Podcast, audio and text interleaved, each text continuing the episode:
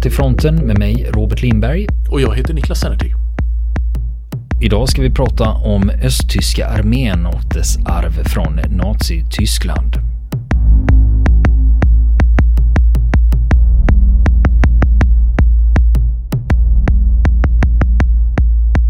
Idag ska vi prata om något som inte finns längre och det är östtyska armén.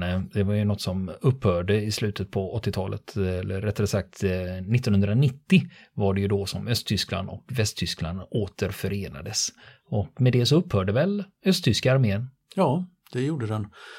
Ett eh, litet antal östtyska officerare eh, hamnade i den västtyska, dåvarande västtyska Bundeswehr då, det nuvarande tyska försvaret och eh, tjänstgör väl där fortfarande men det var bara en minoritet som man tog över i, eh, i det fallet. Eh, så att det fanns en viss kontinuitet ändå över i det nya. På samma sätt var det faktiskt, fast på lite annorlunda, när den östtyska armén en gång grundades på 1950-talet. I den då östtyska kommunistiska diktaturen. För det är ju ett land som man hade liksom som antifascismen pratar man om. Det var en del av den officiella doktrinen i det här landet och det som eh, en stor del av existensberättigandet för Östtyskland byggde på officiellt då att här borde de som hade varit emot fascisterna, alltså mot naziregimen och så vidare. Då skulle man bygga en armé under kalla kriget som skulle kunna eh, ingå i Warszawapakten var en del av frontlinjen mot eh, Warszawapakten då. Frontlinjen gick ju tvärs igenom Europa. Eh, och de som skulle få ta första stöten det var ju bland annat då de östtyska styrkorna. Tyckte man då ifrån sovjetiskt håll. Så då organiserade man eh, en armé där, den kom eh, bli verklighet 1956. Eh, NVA, Nationale Volksarmé. Den hade sitt, sina rötter från början då i den tyska polisen innan dess då östtyska polisen kasernerade folkpolisen, alltså polistrupper som bodde på kaserner precis som militära styrkor helt enkelt och, och hade vapen som lätt infanteri. Men när man då skulle eh, omorganisera det här då till en riktig armé, då, då hamnar man som alla länder där man har gjort ett dramatiskt regimskifte eller det har skett en revolution eller någonting liknande, så hamnar du i problemet att du behöver likförbannat experter du behöver specialister som är duktiga på sitt jobb. Och eh, i Östtyskland, ja där hade man bara, du hade lite eh, Spanienkämpar, alltså kommunister som hade slagits i spanska inbördeskriget på 30-talet. En del som hade tjänstgjort i de, eh, som frivilliga i, i Röda armén. Men de var inte många, de var lätt räknade vid det här laget. Så man var helt enkelt tvungen att, precis som i Västtyskland, använda sig av den gamla regimens officerare. Från det tyska Wehrmacht så kom det alltså en stor grupp officerare med det här know-how och tekniska kunnandet som behövdes. Och Det var någonting som man officiellt förnekade i alla år att så var fallet i DDR, att det var på det viset. Man ska ändå gå tillbaka faktiskt in under eh, in på själva krigsåren för att hitta de första rötterna till det här, nämligen 1943 och Stalingrad. För då tillfångatogs ett stort antal, ja, hela den sjätte armén kapitulerade vid Stalingrad och en av följderna var att ryssarna fick ett stort antal tyska officerare i sina fångläger. En hel del av dessa officerare valde att eh, under tvång eller frivilligt att eh, underteckna upprop mot Hitler och eh, Hitler-Tyskland och upprop om att avsluta kriget, att tyska soldater skulle desertera eh, för att på så sätt förkorta kriget. En del av dessa officerare, alltså de gick i praktiken då i sovjetisk tjänst kan man säga, de här officerarna. Och däribland då den här generalöverste Paulus, befälhavaren för sjätte armén själv. Ännu fler officerare kom ju i de här lägren i takt med de tyska nederlagen. När man då 1948 efter kriget från Moskvas sida gav order till östtyska myndigheter att nu ska ni organisera en militär polisstyrka. En styrka som ska kunna bli en armé så småningom. Ja, då hämtade man då först 10 000 värnpliktiga från Tyskland, ungdomar. Och I spetsen för dem satte man 100 officerare, varav fem generaler, som har hämtats direkt ur fånglägren i Sovjetunionen. Men som hade skrivit på papper då att jag... Ja, jajamän, att vi eh, lovar att tjänstgöra eller vi svär trohet mot eh, den kommunistiska saken. En del var, eh, av de här var ju naturligtvis övertygade kommunister och hade blivit det i lägren. En del var det säkert av vända kappan efter vinden för att det gynnade dem själva karriärmässigt eller att de fick bättre villkor i lägren och kunde överleva. Så att det fanns nog, fanns nog bägge de här kategorierna. Och en av de mest kända av de här, han heter Vincenz Müller, en generallöjtnant som eh, hade blivit tillfångatagen på östfronten 1944 av ryssarna. Och han blev den första stabschefen i den nationella folkarmén 1956. Och man hade då alltså eh, de här officerarna, de utgjorde en betydande andel av de ledningen i de militära stridskrafterna där på 50-talet. De eh, tillförde inte bara det här tekniska kunnandet och know-how och militära saker, utan man kan se ett klart inflytande rent ideologiskt sett på den östtyska armén som inte fanns i Västtyskland. För i Västtyskland, där fanns det fler tyska officerare från Wehrmacht som tjänstgjorde än i öst. Det ska man ha klart för sig i grund och botten att det var bara en bråkdel så många som var i Östtyskland. Men ändå hade de på något sätt ett mycket större inflytande över, över olika saker där. Till exempel kadaverdisciplinen. Från, eh, alltså som man kan se, liksom marschsteg och exercis och så vidare. Det var direkt hämtat ifrån den tyska armén före andra världskriget. Uniformerna, de ser nästan likadana ut, de är nästan identiska med de tyska uniformerna från Wehrmacht hjälmen som man hade i Östtyskland som ser lite rolig ut, en, lite, ganska bred potta på huvudet, var en tysk hjälm, en tysk konstruktion från andra världskriget som skulle ha införts som nästa generation av tyska hjälmar istället för den vanliga Fritz-hjälmen som man liksom eh, kallar den för. Så den hade sitt ursprung där också.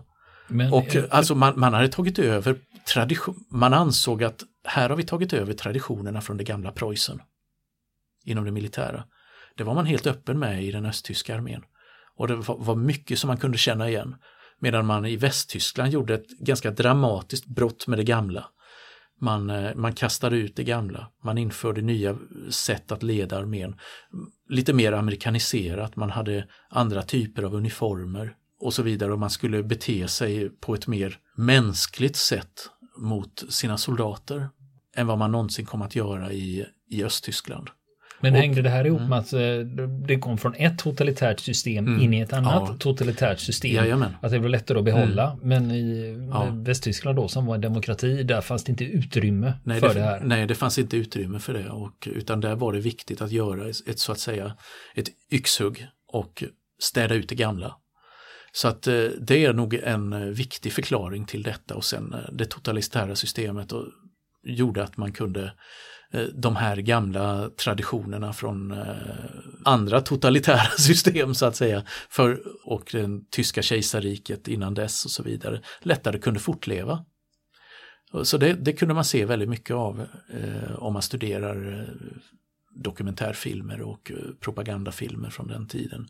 Man tittar på hur, de, hur man beter sig på paradplatser och exercisplatser Sen i och för sig sen slogs man enligt sovjetisk doktrin när man väl var, skulle befann sig på övningsfält och tilltänkta slagfält.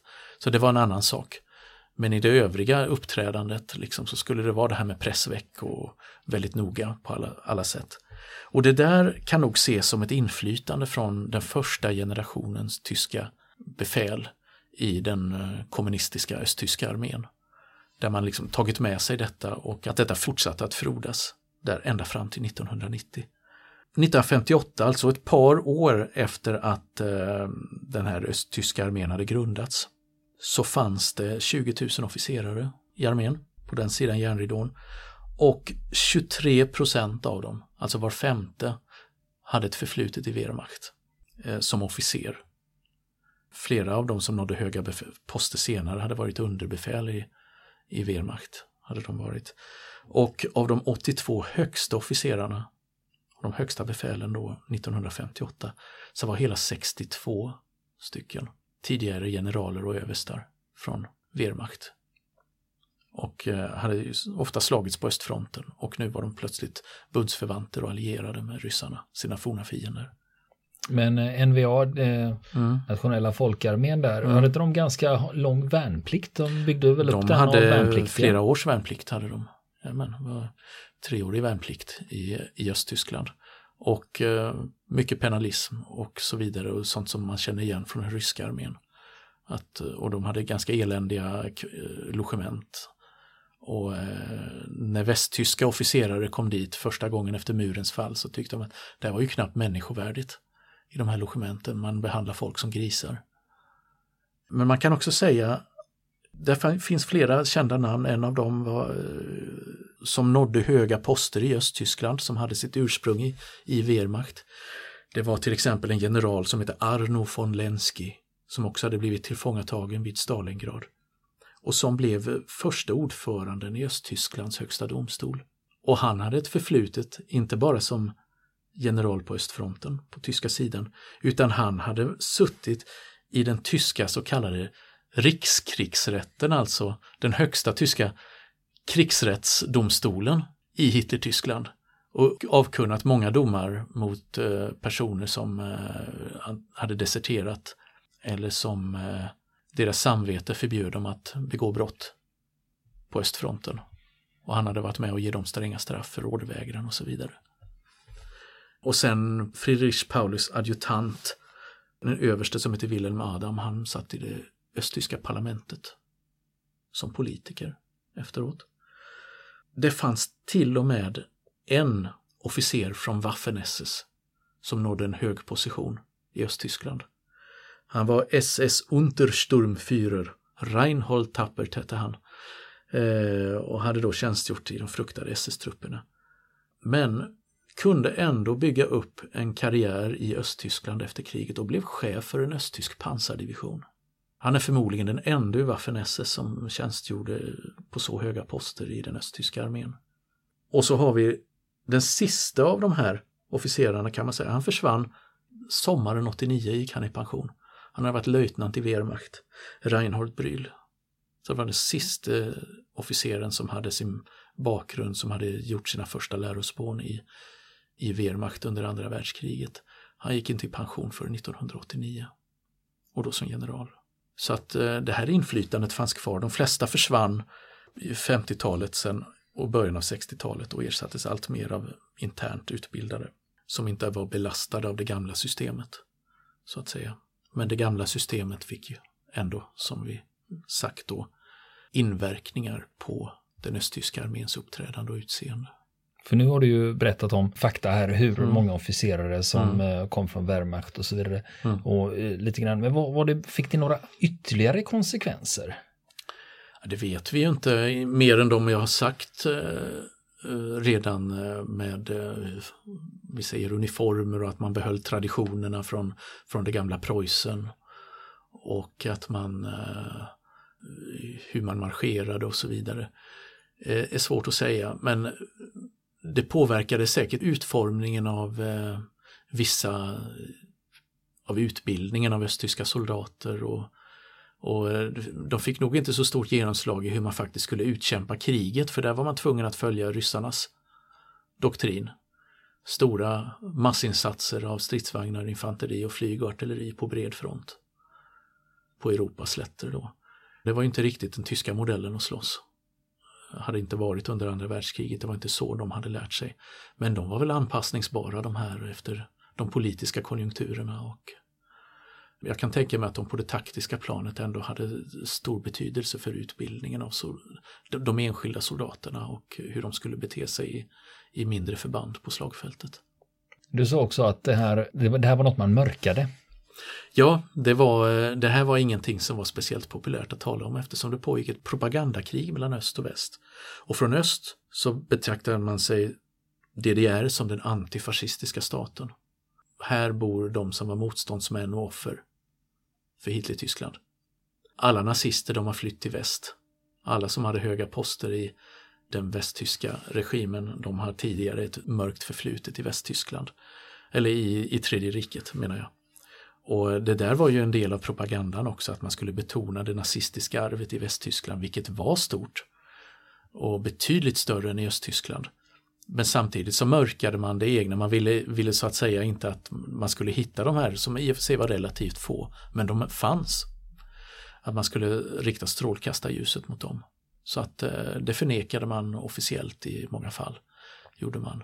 Trots allt så gavs det ut några memoarer på 70-80-talet av tyska officerare som hade tjänstgjort i Wehrmacht men sen blivit fått högt uppsatta poster i eh, Östtyskland. Bland annat den här mannen Arno von Lenski som jag pratade om innan. Men där gjorde man en stor poäng om att de hade tänkt om och insett att det var ett eh, brottsligt system de hade tjänat innan men nu, nu hade de sett ljuset och var de, de var trogna kommunister och stödde det nya systemet och så vidare. Så då gjorde man ett propagandanummer av det istället. Men att det fanns många officerare och befäl som hade varit i Wehrmacht. Hur pass många de var, det var inget man ville prata öppet om. Eh, jag tänkte på eh, den här beskrivningen du har om att mm. Östtyskland beskrev sig själva som offret och att mm. alla gamla förövare fanns i Västtyskland. Mm. Den beskrivningen känner jag ju igen mm. när det gäller just skuldfrågan. Blev det så då att i Östtyskland så sköt man upp den här bearbetningen? Ja, det gjorde man. Fram till murens fall, att det var ja. först då att nu kan vi ta upp de här frågorna och med 40 års förskjutning förvisso, att mm. då kan man plocka upp det här. Ja, det är riktigt. Det är riktigt. För det, det där var ju någonting som eh, östtyska skolbarn fick läsa om i skolböckerna. Att det där var ju eh, alla de där eh, dumma farbröderna och tanterna från Hitler-Tyskland, de fanns numera på andra sidan järnridån. I, I det dumma, dumma Västtyskland. Medan här har vi inte de problemen och då fanns det helt enkelt inget behov av att göra upp med någonting. Det fanns inte något behov av att man skulle gå hem och fråga sina föräldrar eller far och morföräldrar vad de hade gjort under kriget och ifrågasätta om det var rätt eller riktigt. Det fanns inte den doktrinen att göra det i Östtyskland utan eh, det fanns ingen uppgörelse, det fanns ingenting att göra upp med utan man menade att vi har sopat rent hos oss. Och det hade man ju inte, naturligtvis. Så att därför så har eh, själva uppgörelsen dröjt i det som var forna Östtyskland fram till eh, 90-talet. Det stämmer. Det är ju inget att sticka under stol med att man i Östtyskland också har sett de starkaste festerna för nynazister i det nuvarande Tyskland. Eftersom det inte har funnits någon långvarig tradition att göra upp med det här.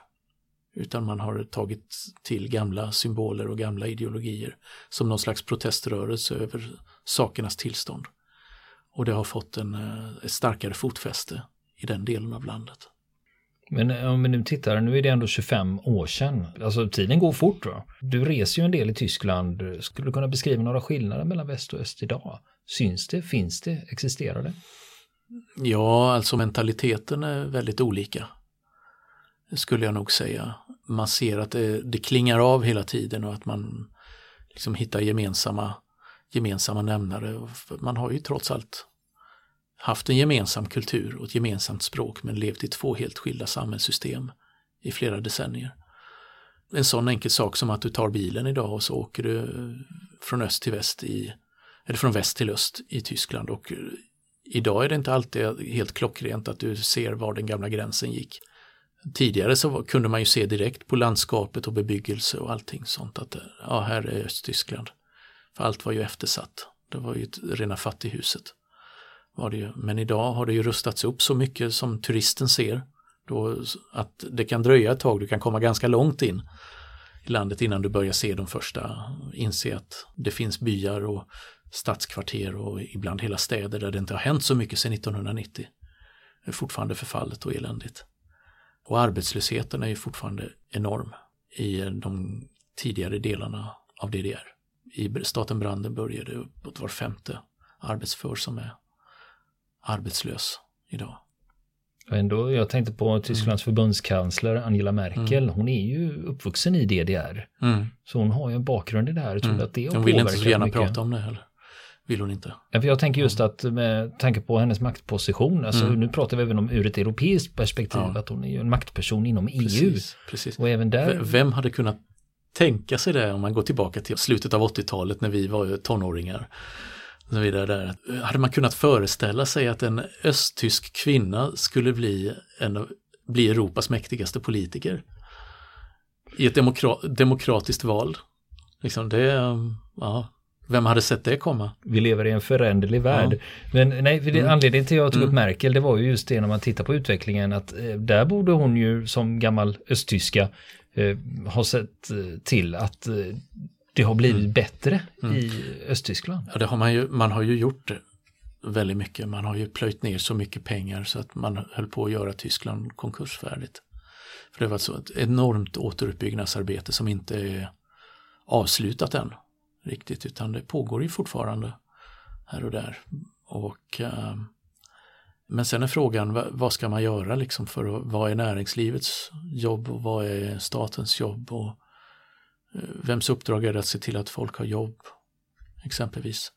Och det är sådana saker som gör att och det finns fortfarande sociala orättvisor mellan öst och väst. Och, så att eh, det kommer nog dröja ännu mycket längre tid innan de här skillnaderna är utplånade.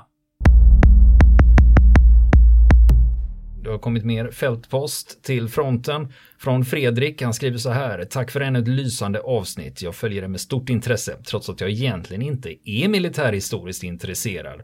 Ni briljerar med enorm kunskap och det gör mig fascinerad och nyfiken på ämnet. Och herregud vilket smicker. Oj, Oj vill han låna pengar tror jag.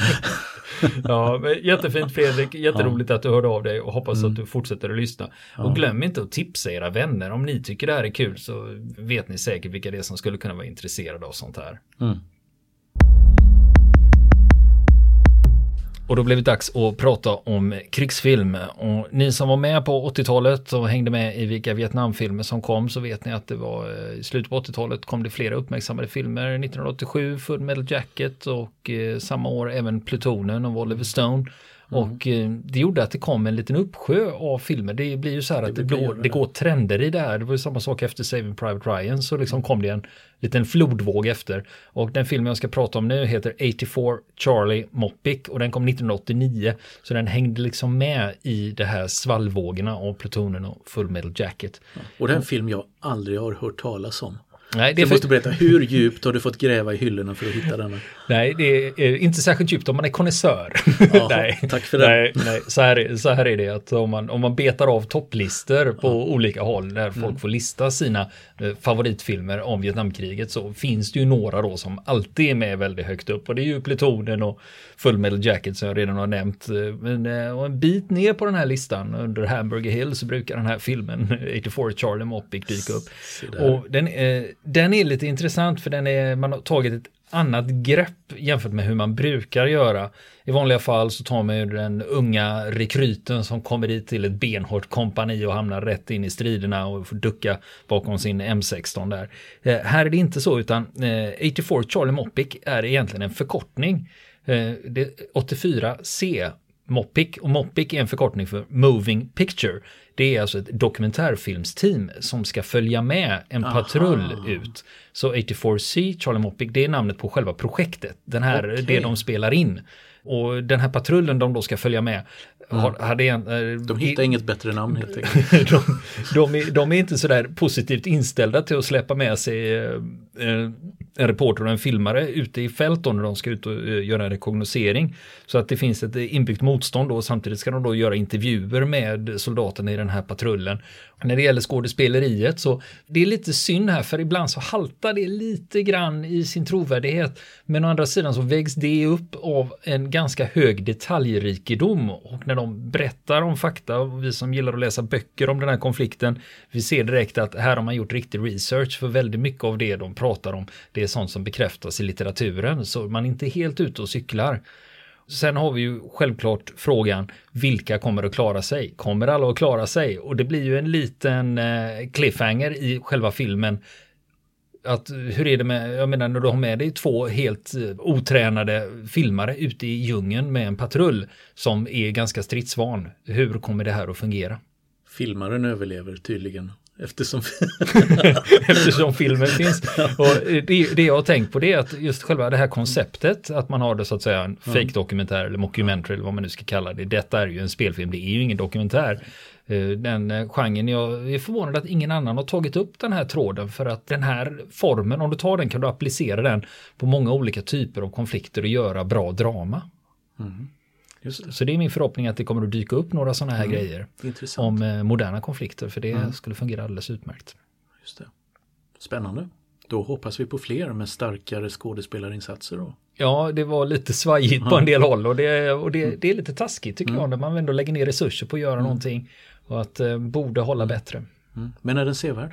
Ja, mycket sevärd och framförallt är det ju i detaljrikedomen eh, som stämmer bra överens med, med vad man kan hitta i litteraturen. Och sen finns det ju ett spänningsmoment precis som jag sa att eh, vem kommer att klara sig, vem kommer inte att klara sig. Nu ska vi prata lite fackböcker och en sak som jag har tänkt på som kanske du också har tänkt på det är att vi pratar om väldigt mycket män ja, här det, i fronten. Det är bara karar och karar och gubbar och killar och pojkar. Väldigt mycket män eftersom just eh, den delen av krigshistorien vi har pratat om just har varit ofta ett manligt samhälle och kvinnor har på sin höjd varit offer eller åskådare. Har vi överhuvudtaget nämnt någonting under de avsnitten vi har gjort hittills eh, om kvinnor? Nej. Nej, inte något. Är det dags nu då? Ja, nu är det dags. Ja. Vad är det du har med dig för bok idag? Jo. Jag har med mig en rysk bok som finns på svenska och eh, jag tror att många har sett den i bokhandeln och en hel del har kanske redan, redan läst den också. Och det är den ryska författaren och eh, journalisten Svetlana Alexievich som har skrivit. Hon brukar förekomma eh, inte sällan i spekulationer om Nobelpriset för sina böcker och reportage. Och den här boken heter Kriget har inget kvinnligt ansikte.